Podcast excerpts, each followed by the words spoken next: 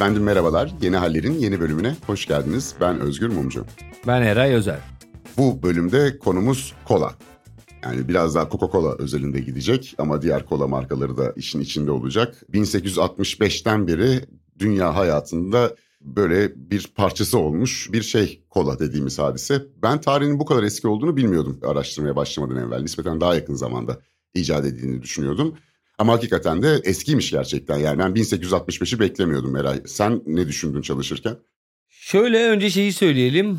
İşbirliği yaptığımız bir bölüm olduğu için koladan bahsetmiyoruz. Onun altını çizmiş olalım. Bu bizim aslında politik ve bir takım sosyolojik okumalara imkan veren bir başlık olduğu için. Yani Coca-Cola dediğimiz şey bir marka olarak o kadar ilginç ki pazarlama, reklamcılık alanında bir sürü bir sürü yöntemin gelişmesi için Coca-Cola ön ayak olmuş, bütçe ayırmış, para harcamış. Sebebi de zaten belli. Son tahlilde şekerli bir su satıyorsunuz insanlara.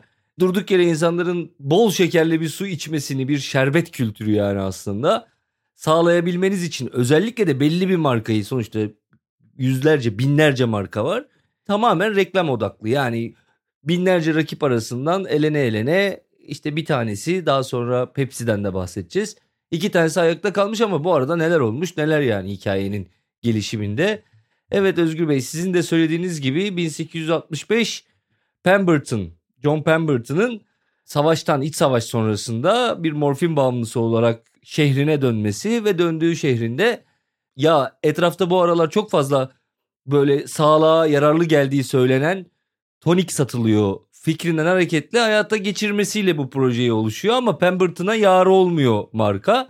Niye bu bölümü yaptık kola savaşlarını anlatalım diye. Mesela ilginç bir endüstri devrimi her zaman bahsediyoruz. Onun en altın çağı tabii hastalıklar da artıyor buna bağlı olarak. Fakat bu hastalıklara karşılık gelecek oturmuş bir sağlık sistemi yok. Öyle olunca ta 15. 16. yüzyıldan beri devam eden bu Amerikan filmlerinde de gördüğümüz kasabaya bir adam gelir atlı arabasıyla işte arabanın üstüne çıkar ve der ki elimde görmüş olduğunuz iksir bizde vapurlarda olduğu gibi kelliye bilmem neye bilmem neye devadır.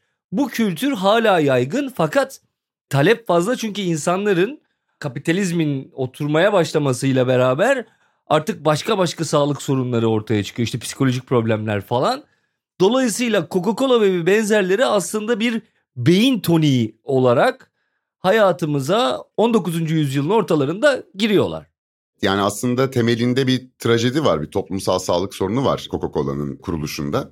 Çünkü dediğin gibi iç savaştan sonra birçok asker işte yaralı, e, doğru düzgün bir sağlık sistemi yok. İşte geleceğe ilişkin kaygıları var, depresyondalar vesaire. Ve bugün nasıl Amerika Birleşik Devletleri'ne bir opioid salgınından bahsediliyorsa o dönemde ağrı kesicilere ve sinir yatıştırıcı bir takım unsurlar barındıran toniklere müthiş bir rağbet başlıyor. Ve bundan da faydalanan birçok dolandırıcısı da çok işte eczacı görünümlü aslında soytarısı da çok. Hani sen de demin bahsettin Red Kit'te falan da vardır ya Hatta şeyde de vardır. Michael Jackson'la Paul McCartney'in bir şarkısı vardır. Onda da benzer bir durum vardır. İşte kasabaya giderler oradan kovulurlar işte bir şeyler satmaya çalışırlar 3 kuruşa 5 kuruşa.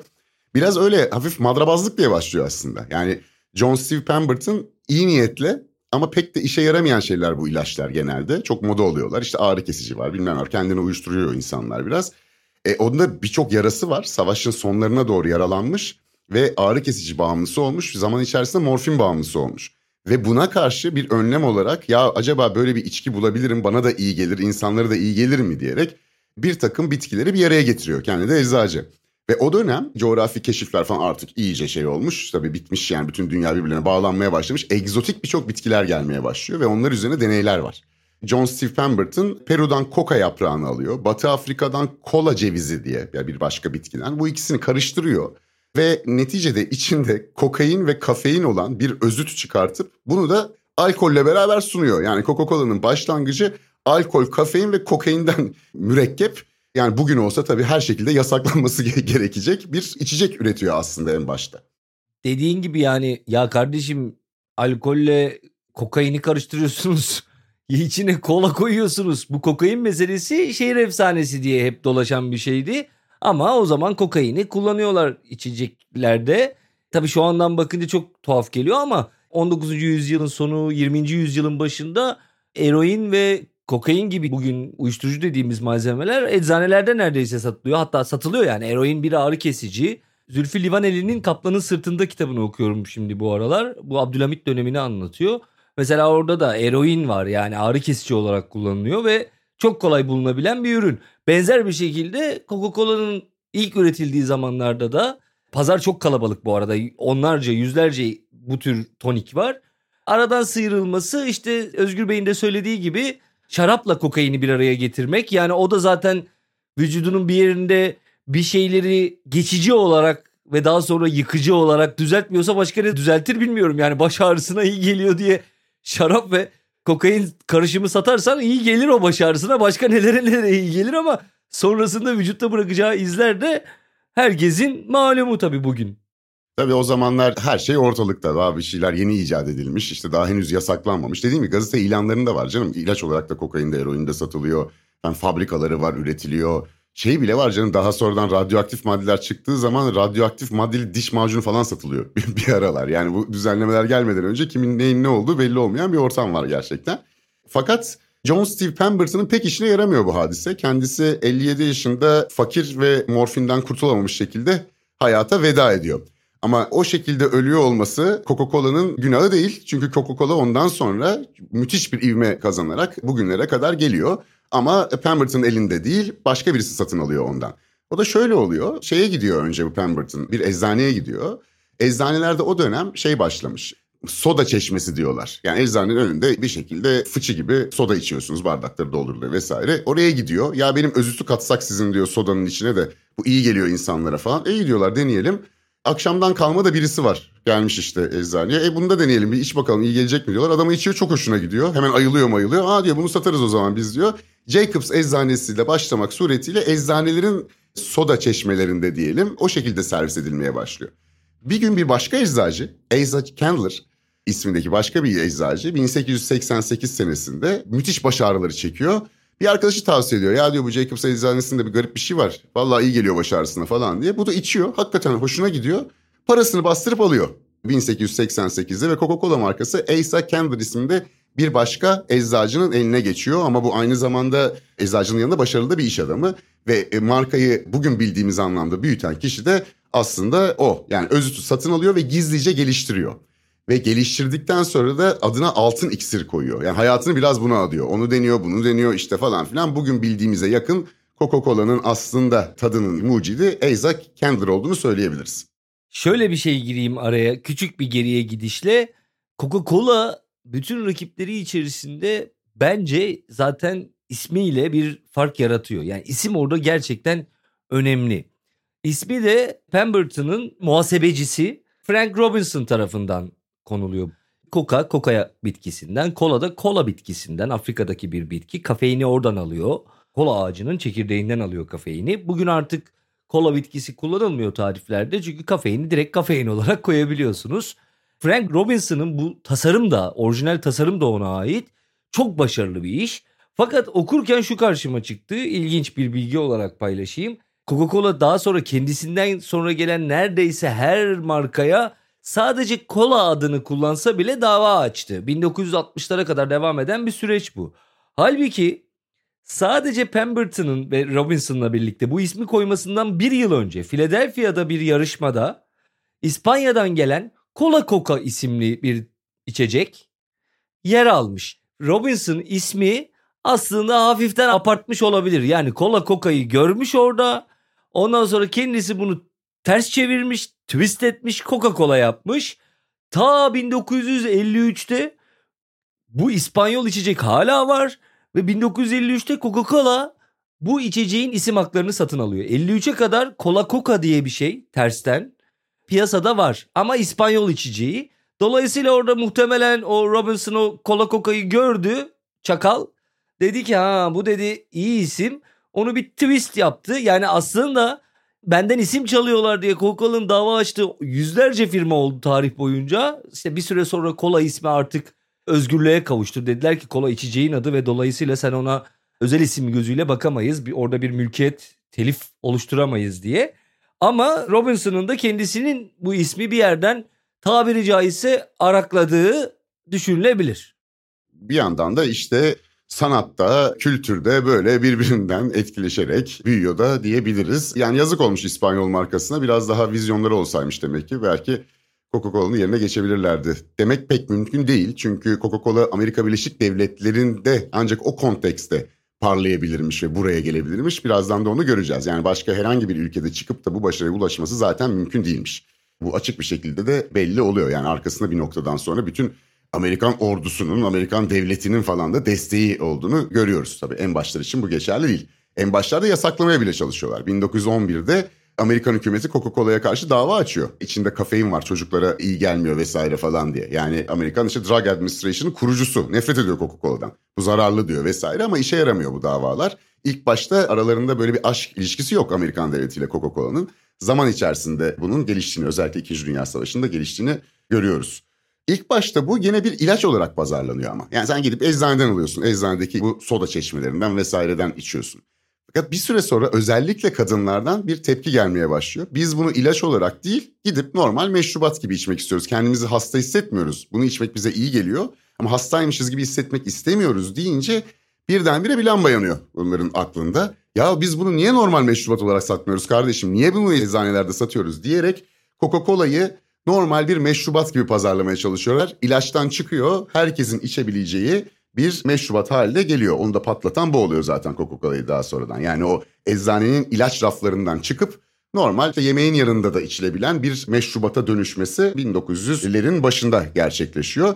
O kadar çok işe yarıyor ki 1904 senesinde Asa Candler kendi adına bir gökdelen dikecek paraya ulaşıyor. Ve Asa Candler aslında pazarlama stratejilerine başlıyor. Yani bir reklamcılık sektörü orada büyüyor. Yani ilk yaptığı hamlelerden ve en çarpıcı, en çok cevap aldığı hamlelerden bir tanesi bedava kupon dağıtmak. Bu kuponlarla gidip Coca-Cola'yı içebiliyorsunuz. İşte diyor ki bu kuponla şuradan alabilirsin Coca-Cola'nın diyor ücretsiz diyor.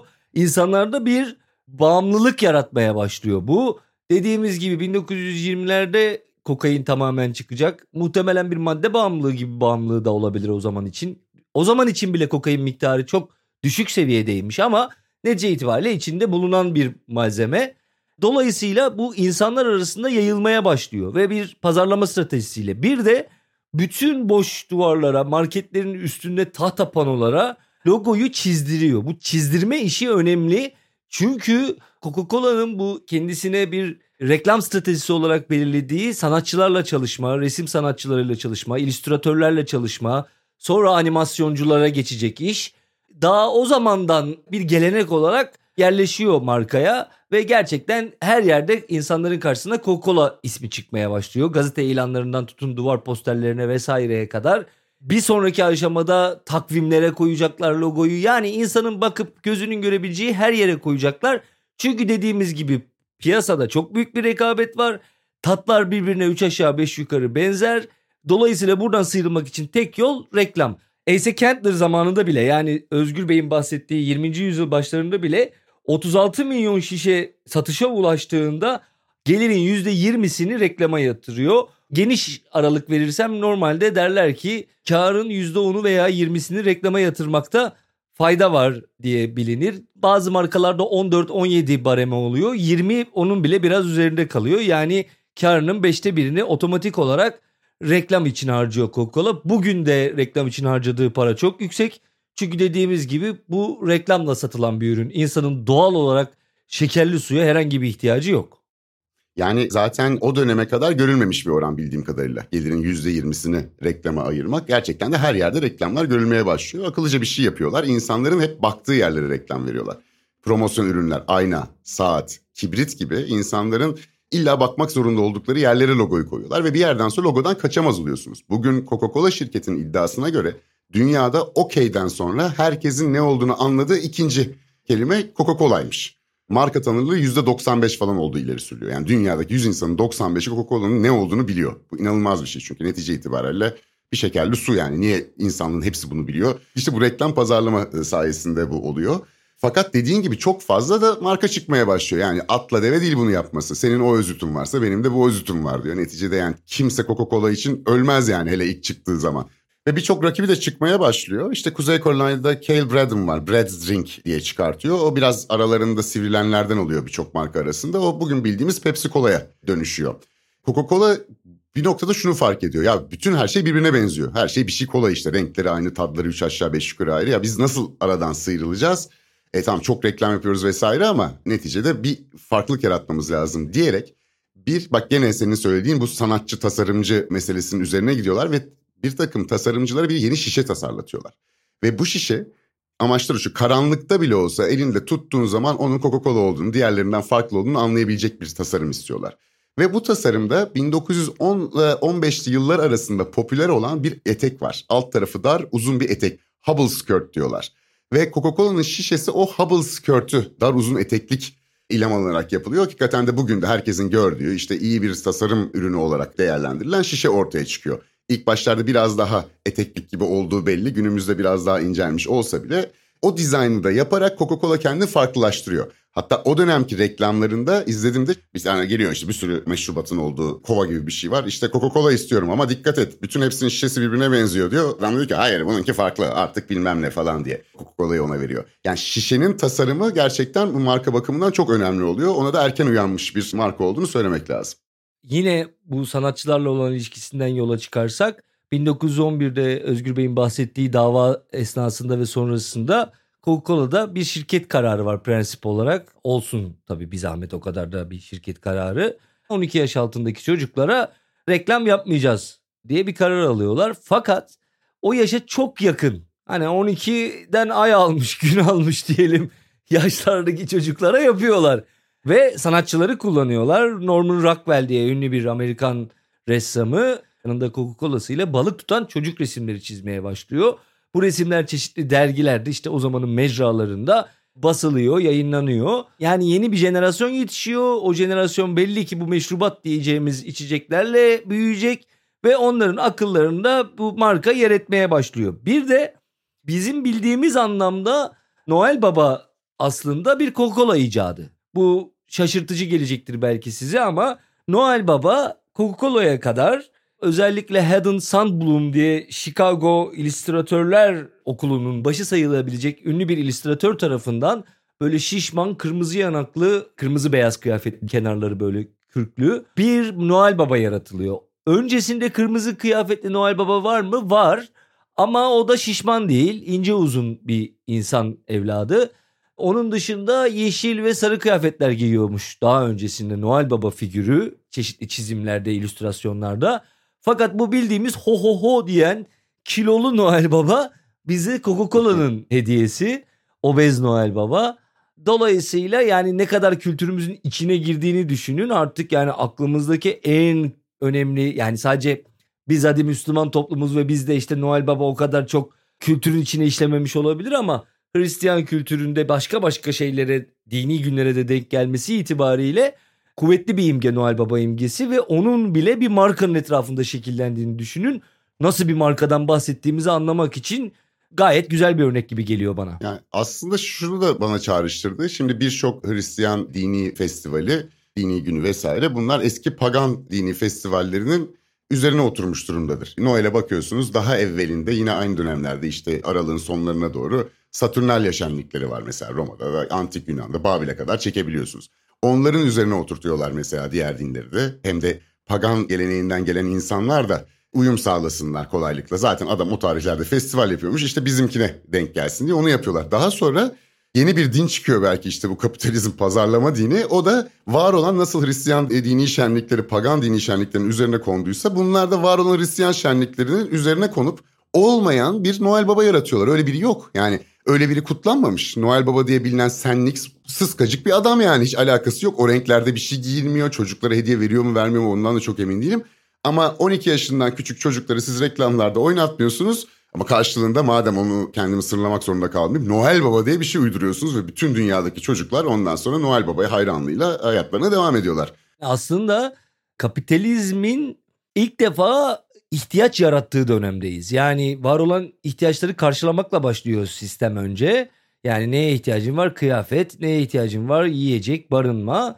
Sonra ulaşım, işte araba gelecek, buharlı, ondan sonra benzinli ve bir aşama sonrası artık olmayan bir ihtiyacı yaratma ki biz bugün bunun zaten orta yerinde duruyoruz. İnsanın böyle bir içeceğe ihtiyacı yok normal olarak suyunu içer paşa paşa yaşar kolay kolay hayatına devam eder ama diyor ki birileri yok sen bir de bunu içeceksin çünkü bu insan olmak zorundasın. O çarpıcı bir yer var. Orada bir belgesel izledik Özgür Bey'le beraber 3 bölümlük.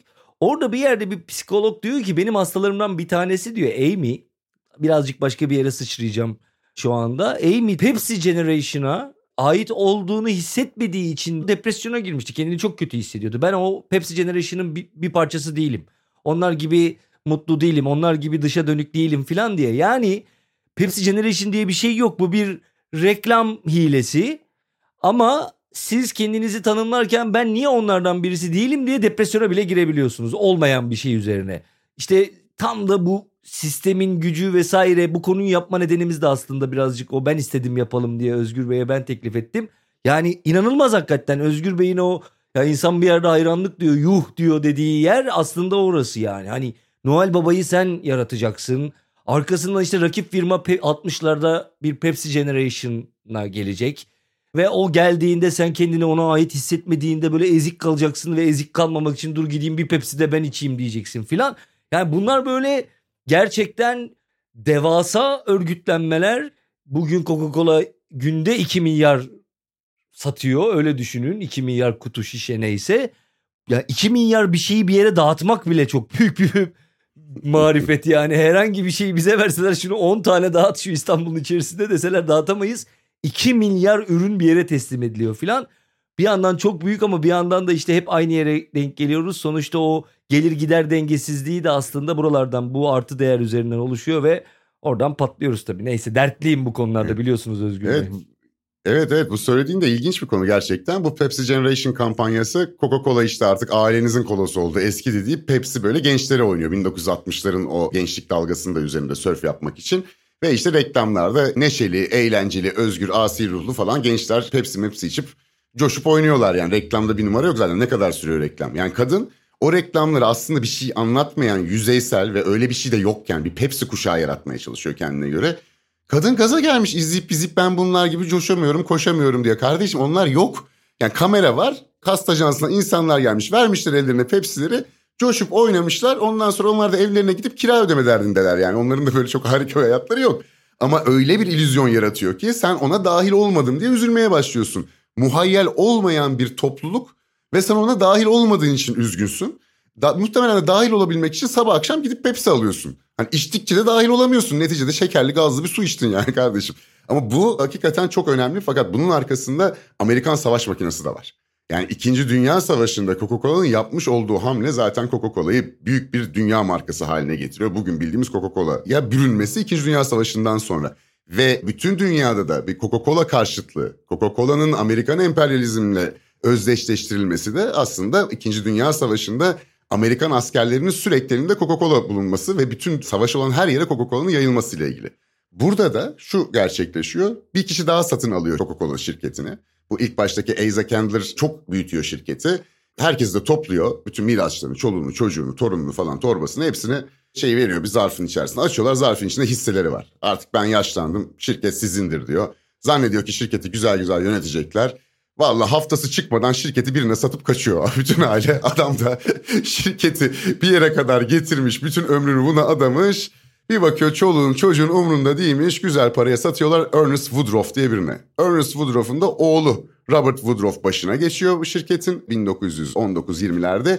Ondan sonra da hep o idare ediyor. Yani The Boss diyorlar zaten. Bütün Coca-Cola'nın uluslararası sıçramasının arkasındaki isim o. Bu Woodruff diyor ki 2. Dünya Savaşı çıktığı zaman bir Amerikan askeri dünyanın neresinde olursa olsun 5 sente ben ona bir şişe kola vereceğim. Bütün masraflar benden diyor. Ve e, şeker pahalanmış. Bu herkese bunu göndereceği için Amerikan hükümetinden kendisine bir istisna alıyor. Yani ona şeker öyle pahalı falan satılmıyor. Çünkü Coca-Cola savaş hizmetinde önemli bir unsur haline geliyor. Burada kilit bir isim var. O da Eisenhower. Yani Amerikan Kuvvetleri Komutanı Eisenhower. Kolayı çok seven bir insan. Bir şekilde Woodruff'la da herhalde anlaşıyorlar. Ve Amerikan birlikleri neredeyse oraya bir şişeleme fabrikası açılıyor. Özüt oradan gönderiliyor. Amerika bir yerde cephedeyse arkada bir Coca-Cola fabrikası var ve her askerin elinde gerçekten 5 sente bir kola var. Ve İkinci Dünya Savaşı'nda Amerikan askerleriyle Coca-Cola bir daha ayrılmayacak şekilde özdeşleşiyor ve savaştan sonra da e, o şişeleme fabrikaları orada duruyorlar. Nerede bir Amerikan üssü varsa, nerede bir Amerikalı savaştıysa orada Coca-Cola bulmaya başlıyoruz. Ve savaş bittikten sonra bir bakıyoruz ki herkes Coca-Cola içmeye başlamış. Özgür Bey'in anlattığı süreçe dair bir tek şey ekleyeyim sonra ben de oraya geleyim. Nasıl bir büyümeden bahsettiğimizi anlamak için şeye bakabiliriz. Yani 1888'de Pemberton artık ben bunu satıyorum dediğinde 2300 dolara gidiyor marka. Ve bundan sadece yaklaşık olarak 30 sene sonra falan hadi 40 diyelim. 1925'te çünkü borç bitiyor. Ödemeye başlıyor sonra Woodruff ama Woodruff ve etrafındaki yatırımcılar aslında bir fon alıyor Coca-Cola'yı. Yani başında Ernest Woodruff var ama alan bir grup yatırımcı ve dolayısıyla taksitle ödüyorlar. O 1925'te bittiğini düşünürsek hadi 37 sene oluyor orası. Yani netice itibariyle 30 sene içerisinde öyle bir artıyor ki 25 milyon dolara satılıyor o zamanın parasıyla büyük para. Yani şeyi görebilirsiniz yani orada bir patlama olduğu ve bunun Asa Candler tarafından yapıldığı. İlginç olan şey Asa Candler'ın Özgür Bey'in de dediği gibi 65 yaşında ben emekli olacağıma kafayı takması. Yani adeta devletteki emeklilikte yaşa takılanlar kategorisinde kendisi sanki 65'i kendisine bariyer olarak belirlemiş ve 65'ten sonra bir gün daha beni kimse çalıştıramaz demiş. Hemen 65 yaşında çoluğa çocuğa dağıtmış. Bir de dağıtırken insan birazcık sorar evladım ben sana bu şirketi verirsem ne yapacaksın diye. Hiçbiri de bozuntuya vermeden o hisseleri alıp Özgür Bey'in dediği gibi koşa koşa gidip Woodruff Gillere satmışlar bunu ve Ondan sonrası zaten Coca-Cola Coca-Cola oluyor. Savaşa dönecek olursak şunu söyleyecektim o dönemle ilgili olarak. Özgür Bey de belki ekleyecekti. Eisenhower'dan bahsederken Woodruff bir konuşmada şöyle dediği söyleniyor. Onu biz zaten orduların başına getirdik. Yurt dışına yolladık. Sonra buraya getirdik. Burada bir üniversitenin başına koyduk kendisini. Şimdi başkan yapacağız sadece şeyi düşünüyoruz. Cumhuriyetçi mi yapalım demokrat mı yapalım diye. Bunu aramızda konuşuyoruz diye bahsettiği söyleniyor Amerika'nın başkan adayından. Ya bir generalden daha bahsedeyim. İkinci Dünya Savaşı'nda bu Sovyet generali meşhur General Zhukov var. Çok önemli bir general. Ve Coca-Cola'yı çok seviyor savaş sırasında. Amerika ile de araları iyi. Hitler'e karşı beraber savaştıkları bir dönem var. Amerika ile Sovyetler Birliği'nin arasının bayağı ılıman olduğu. Rus halk şarkılarının Glenn Miller tarafından caz versiyonlarının söylendiği falan böyle güzel bir dönem var. Sonra tabii Soğuk Savaş'ın geleceği belli olmaya başlıyor savaşın bitimine doğru. Aralar bozuluyor. Aralar bozulunca da Stalin böyle Coca-Cola içenlere kötü gözle bakmaya başlıyor doğal olarak. Fakat zavallım General Zhukov da çok alışmış bu Coca-Cola'ya. Haber gönderiyor bir başka Amerikalı general aracılığıyla. Ya sen git Coca-Cola ile konuş. Bana vodka görünümlü, böyle kahverengi maverengi olmayan, Coca-Cola şişesinde de olmayan, etikette de olmayan bir şey halledebilirler mi diye. Tamam hay hay diyor. General Coca-Cola'nın başındaki adama söylüyor. O da diyor ki tabii General Zukov abimize yaparız diyorlar. Gerçekten tadı aynı olan, beyaz gözüken bir Coca-Cola geliştiriyorlar. General Zukov'a özel. Ve Coca-Cola olduğu da anlaşılmasın diye düz şişelere koyuyorlar. Kapağına da kızıl yıldız koyuyorlar.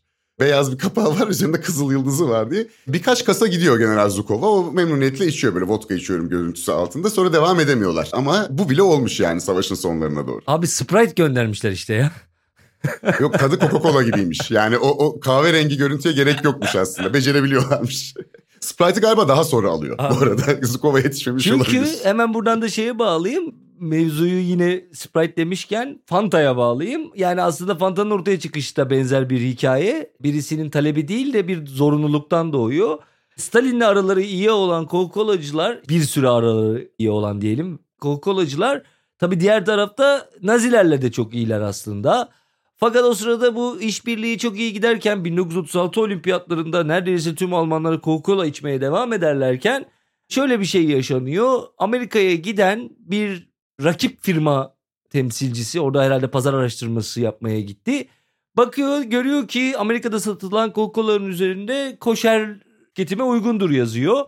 Bunu görür görmez bu şişenin fotoğraflarını alıyor, kapağın fotoğraflarını alıyor ve Almanya'ya getiriyor. Diyor ki bakın bu bir Yahudi içeceğidir. Ayrıca zaten yönetim kurulunda da bir Yahudi var Coca-Cola'nın diyor. Bu propaganda çok etkili oluyor. Max Keith isimli Almanya mümessili diyelim. Coca-Cola'nın o zaman diyor ki bu yönetim kurulu üyesini lütfen atalım. Biz burada sorun yaşıyoruz. Olmaz diyor Woodruff. Orada bir tavır sergiliyor. Atamam diyor adamı Yahudi diye board'dan, yönetim kurulundan. Bunun üzerine Max Keith bakıyor ki pazar kaybı başlıyor. Oradaki böyle atık meyvelerden kullanılmayan atık demeyelim de işte biraz bozulmaya yüz tutmuş satılamamış vesaire meyvelerden özellikle turunçgillerden ortaya Fanta'yı çıkartıyor. Ve Fanta bir Alman projesi olarak bugün dünya çapında bir markaya dönüşüyor sonrasında.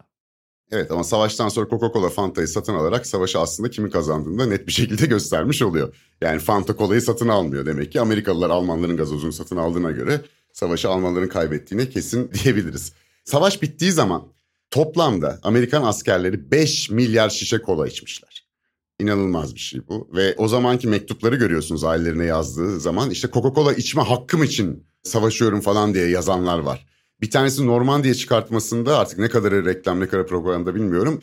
Karanlıkta yaralanıyor, eline bir Coca-Cola şişesi geliyor. Ona tutunarak vatan ve millet hasretiyle ona kavuşacağını bilerek dayanabiliyor sabahın ilk ışıklarına kadar falan gibi. Böyle bir savaş, vatan hasreti, Amerikan hayat tarzı falan hepsi birbirine giriyor. Yani küçücük bir şişe bambaşka bir hale geliyor ve 60 şişeleme fabrikası açılıyor savaş yapılan yerlerde. Yani savaş sürüyor. Coca-Cola'nın kendi Coca-Cola Colonies deniyor. Coca-Cola albayları var. Yani birliklerde Coca-Cola'nın işte kurulumunu yapıyor. Herkese ulaşmasını sağlıyor falan. Müthiş birbirine girmiş sembiyotik bir ilişki başlıyor o dönemde. Yani böyle bu İkinci Dünya Savaşı meselesi hakikaten çok önemli. Fakat senin Eisenhower'ın varsa Coca-Cola diyor Pepsi. Nixon seçimi kaybettikten sonra 1960'larda ilk seçimine giriyor. Sonra Amerikan başkanı olacak Richard Nixon. Pepsi Cola bu boşta kalıyor ya. Hemen Pepsi Cola şirketine baş hukukçu olarak kendisini atıyor. Yani herkesin bir devlette bir başkanı olmaya başlıyor. Herkesin şarkıcısı ayrı, herkesin siyasetçisi ayrı. Bu iki markanın Amerikan siyasetinde de çok yukarıdan temsil edildiğini görüyoruz. Hatta öyle ki Martin Luther King öldürüldüğü zaman Coca-Cola'nın sahibi Lyndon Johnson'la o zamanki Amerikan başkanı Lyndon Johnson'la beraber içki içiyorlar Beyaz Saray'da. Yani haberi beraber öğreniyorlar. Yani o kadar şey Amerikan siyasetinde üst kademelerdeler. Senin de dediğin gibi işte Eisenhower'ı biz ordunun başına geçirdik. Biz sonra Columbia Üniversitesi'nin başına geçirdik ki en entelleri de kazanalım. Şimdi karar vereceğiz. Demokrattan mı başkan yapacağız, cumhuriyetçiden mi falan diye böyle bir imparatorluk kurulmuş durumda hakikaten o yıllarda. Burada bir de ilginç nokta tabii artık Stalin var. Stalin'den sonra Khrushchev gelmiş ve Sovyetlerde Coca-Cola yasak. Zaten Soğuk Savaş başlamış. Dolayısıyla artık cepheler oluşmuş durumda. Bir Amerikan ürününü Sovyet pazarına satmak mümkün değil. Fakat 1959'da bir fuara katılıyor Khrushchev. Amerika Sovyet fuarı ve ticareti ülkeler arası ilişkileri geliştirme amaçlı. Moskova'da düzenleniyor. Evet Moskova'da düzenlenen bir fuar bu. Ve bu fuarda Khrushchev ve Pepsi tattırmayı başarıyorlar. Bu arada fuara Coca-Cola'nın katılması için ilk başta teklif gitmiş. Fakat Coca-Cola çekiniyor çünkü niye kendisi tamamen bir Amerikan imajı üzerine oturmuş. O pazarlarda tepkimi görür, kendi iç pazarından tepkimi görür. Komünist içeceği oldu Coca-Cola derler mi filan böyle tereddütler var. Pepsi daha gözü kara. Zaten sınıfsal olarak Coca-Cola'nın çizdiği Amerikan orta sınıf imajının dışında kalan sınıflarla iletişim yapan bir marka. Gözü kara dünyanın geri kalanında bari pazar payımı arttırayım diyerek o fuara katılıyor. Kuruşçev bir Pepsi içerken fotoğraflanıyor ve bu fotoğraf bütün gazetelerde vesairede reklam haline getiriliyor ve Kuruşçev sosyalleşmeyi öğreniyor diye de Pepsi'nin o zamanki sloganı sizi sosyal bir insan haline getirir meselesinden Kuruşçev'in de artık dışa dönük ve sosyal bir insan olmayı öğrendiğini Pepsi içerek reklam metni haline getiriyorlar ve böyle kullanıyorlar ifadeyi. Tabi bu dünya üzerinde bir etkisi oluyor bunun. Ya insanlar şaşırıyorlar. Pepsi gibi bir marka daha fazla dolaşıma giriyor. Ama ta 70'lerin başında ancak Pepsi Sovyet pazarına girebilecek. Ama nasıl giriyor orada da? Nixon'ı zamanında Nixon boşa düştüğü zaman kendisine hukuk danışmanı olarak almıştı ya baş avukat olarak. 1971 senesinde artık Nixon devlet başkanı olmuş. Pepsi Cola'nın CEO'sunu Sovyetlere bir ticaret misyonuyla gönderiyor ve bir şekilde bağlantılar kuruluyor. Coca-Cola giremiyor ama Pepsi Cola Sovyetler Birliği'ne 70'li yılların başına itibaren Nixon'ın yani daha önce Pepsi'ye çalışmış olan Nixon'ın desteğiyle girmiş bulunuyor. Artık 10 yıldan fazla sürecek bir Rusya pazarı hakimiyeti var. Bunlar tabii Pepsi'ye çok yarıyor. Ben de şeyi hatırlıyorum 80'lerde Türkiye'de de çok daha yüksek bir pazar payına sahipti. Hatta Anadolu'da çok fazla Pepsi Cola tüketildiğini görüyoruz. Veya işte Trakya'da yani periferide aslında Pepsi'nin büyümeye devam ettiğini, kendine böyle bir hedef belirlediğini, o merkezdeki okulun hakimiyetiyle çok fazla uğraşarak zaman ve efor kaybetmek istemediğini anlıyorum ben bakınca genel tabloya.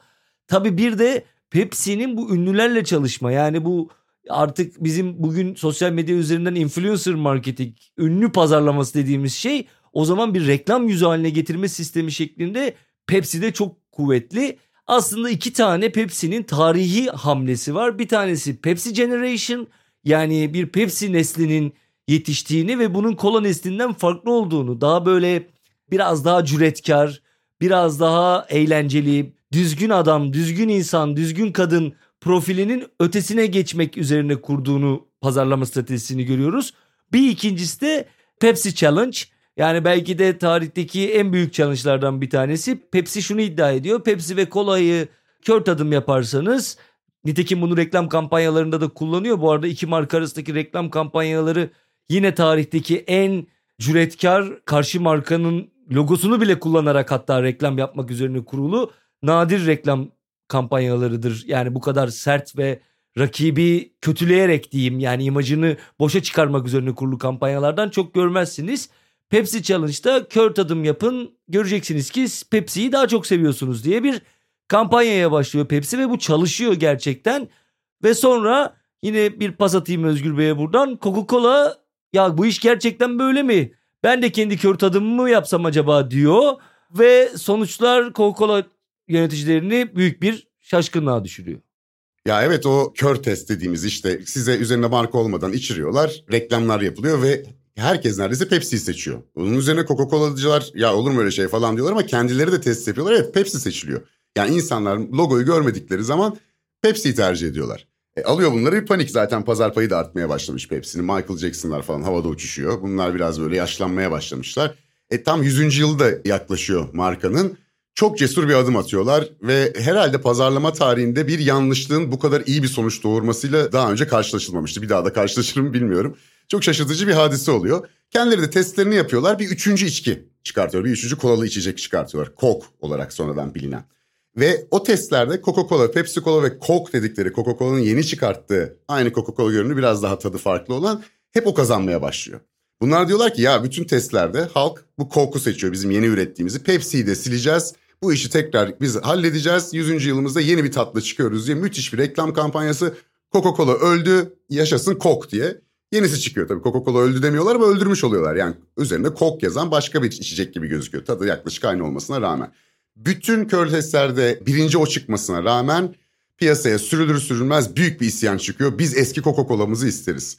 Bizim çocukluğumuzdaki o güzel tadı bizden nasıl alırsınız? Ya insanlar böyle dine inanmış gibi böyle mektuplar falan neredeyse sokak isyanı çıkacak. Bunun üzerine Coca-Cola diyor ki tamam biz yanlışlık yaptık. Coca-Cola klasik olarak normalde piyasadan kaldırdıkları bugün bildiğimiz Coca-Cola'yı tekrar piyasaya sürüyor.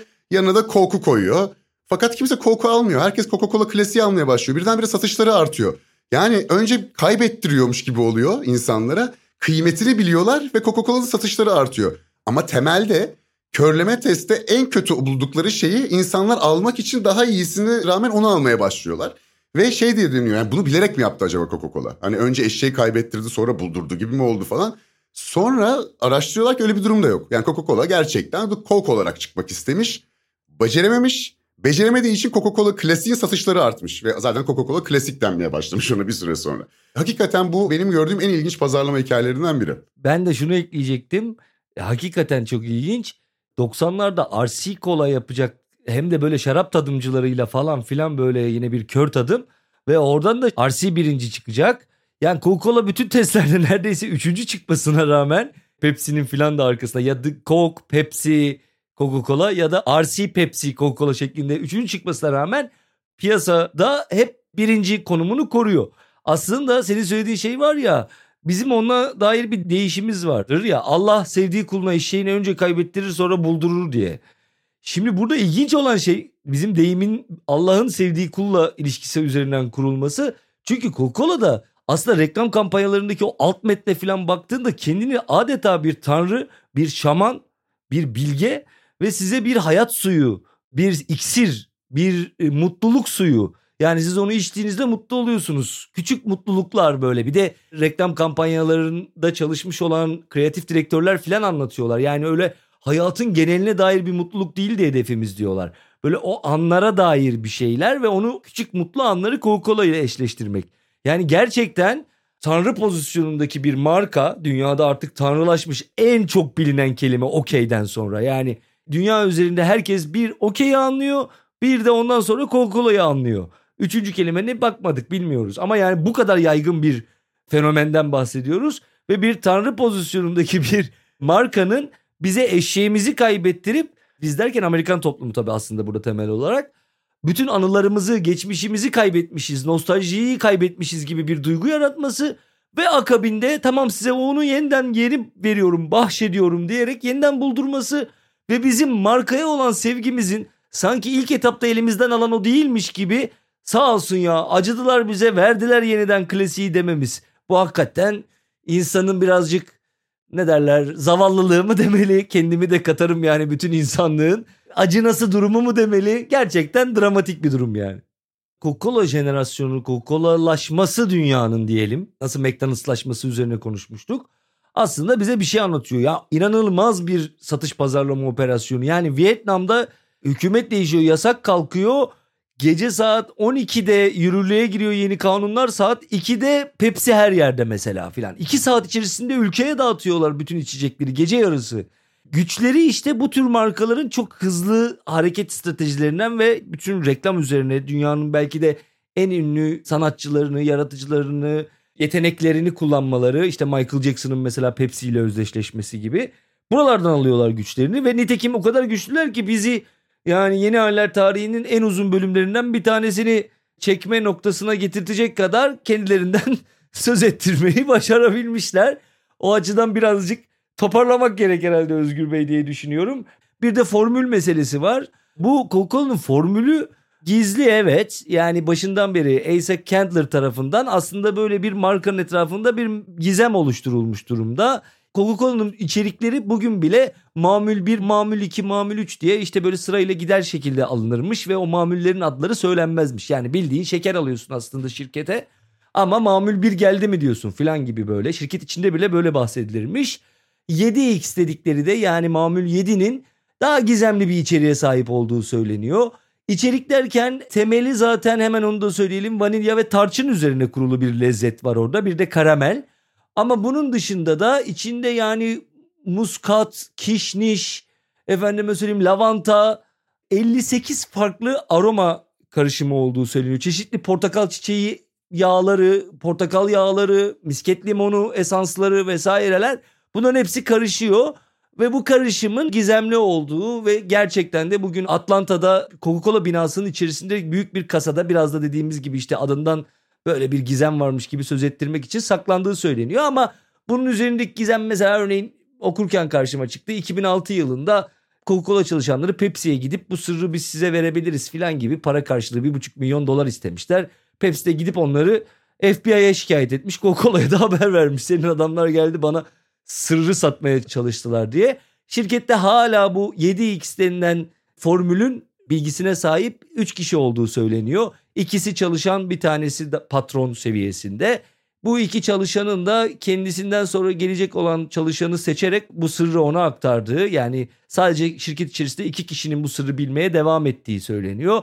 Şey hikayesi de doğru. Bu ikisinin aynı anda aynı uçakla aynı destinasyona seyahat etmesini yaşamlarından endişe ettikleri için istemiyormuş marka. Bunlar hepsi aslında pazarlama reklam stratejisinin bir parçası ama somut olarak bir lezzet karışımı var ortada bir formül. Bugün Wikipedia'ya bile Coca-Cola formülü diye yazdığınızda size bazı tarifler geliyor. Fakat bunlar tamamıyla doğru tarifler mi bilinmez. Ama benim şaşırdığım şey burada içeriğinde gerçekten 58 tane farklı aromanın bulunması oldu. Coca-Cola'nın 3. Dünya ülkelerindeki şişirme fabrikalarında ilgili çıkan çevre sorunları ya da işçi sorunlarına nasıl çözüm buldu, ırkçılığa karşı nasıl tedbirler aldı, o Coca-Cola'yı nasıl geliştirdi falan gibi birçok alt e, başlıklar da var. Ya da dünyanın Coca-Cola'nization dedikleri şekilde tek tipleşmesi falan. Anlat anlat bitmeyecek bir konu. Ama şimdilik burada kesmemizde ben de fayda görüyorum. Sadece şu anımı anlatarak kaçayım efendim ben de huzurlarınızdan. Benim dedem eczacıydı, annemin babası. Bir gün canım çok kola istedi, gazoz istedi falan. Evde de böyle vişne suyu var bir tek. Tutturdum kola istiyorum, gazoz istiyorum diye. Küçüğüm işte, 9-10 yaşındayım. Gel ben sana kola yapayım dedi. Vişne suyunun içine karbonat koydu biraz, karıştırdı. Al sana kola dedi. Ben de onu içtim fena da değildi yani. O sebeple yani çok darda kalırsanız işte bu tip yöntemlerle de kendinize başka başka çeşitli meşrubatlar da yapabilirsiniz diyerek sözlerime son vereyim efendim. Esen kalın. Evet Özgür Bey karbonatlı suyu biz içiyorduk mideye iyi gelir diye. Siz de gazoz niyetine gitmiş arada. Çocukken öyle oluyor yani. Neleri içtik, nelerle kandırdılar bizi. Şimdiki çocuklar çok akıllı söylemi gerçekten ben kendimden biliyorum yani. Bu yumurtayı yemeyeceğim diye ısrar ettiğim bir kahvaltıda babaannemin köyde uydurma kurtlarla olan hikayesini dinlerken yediğim yumurta üzerine e ne oldu yumurtanı yemeyecek miydin dediler. Ben de yemedim ki de sofranın içerisinde. Yediğimin bile farkında değilim hikayenin telaşından. E, evet öyle biraz saf çocuklardık hepimiz. Burada ilginç olan başından beri söylemeye çalıştığımız şey gerçekten de bir ürünün, bir mamulün sıfırdan nasıl ortaya çıktığı, nasıl bir pazarlama stratejisine dönüştüğü. Bunu dediğim gibi ticari bir zeka olarak yorumlamak mümkün tabii ki ama ticari zeka derken mesela yurt dışındaki bütün tesisleri Amerikan halkının cebinden çıkmış vergilerle yapılmış o zamanlar 2. Dünya Savaşı zamanında 60 küsür tane fabrikanın bizzat Amerikan devlet parasıyla yapılmasından bahsediyoruz. Yani her şeyde böyle ticari zekayla olmuyor. Coca-Cola belli ki onlarca marka arasından bir Amerikan kültür sembolizminin Amerikanlaşmasının dünyanın, Amerika'nın aslında bir süper güce dönüşme sürecinin bir eşlikçisi olarak tıpkı McDonald's gibi seçilmiş. Keza McDonald'sla Coca-Cola'nın bir araya gelmesi de o açıdan tesadüfi değil. Bunlar böyle o dünyada işte tek bir kültür, hakim bir kültür oluşturma çabalarının sonucu. Dolayısıyla sadece sahiplerinin ticari başarılarıyla açıklayamayız. Biraz seçilmiş kişi olma, seçilmiş marka olma durumu var burada gibi gözüküyor. Ama bugün hepimizin hayatında mesele Coca-Cola'ya gelene kadar bugün küreselleşme ve kapitalizmden bahsederken daha ne markalarla neler yaşıyoruz. Burada işte çevre konuşurken başka şeyler de anlattık zaten. Böyle bir orkuluk yapayım dedim. Bir sonraki bölümde görüşmek üzere. Kalın sağlıcakla.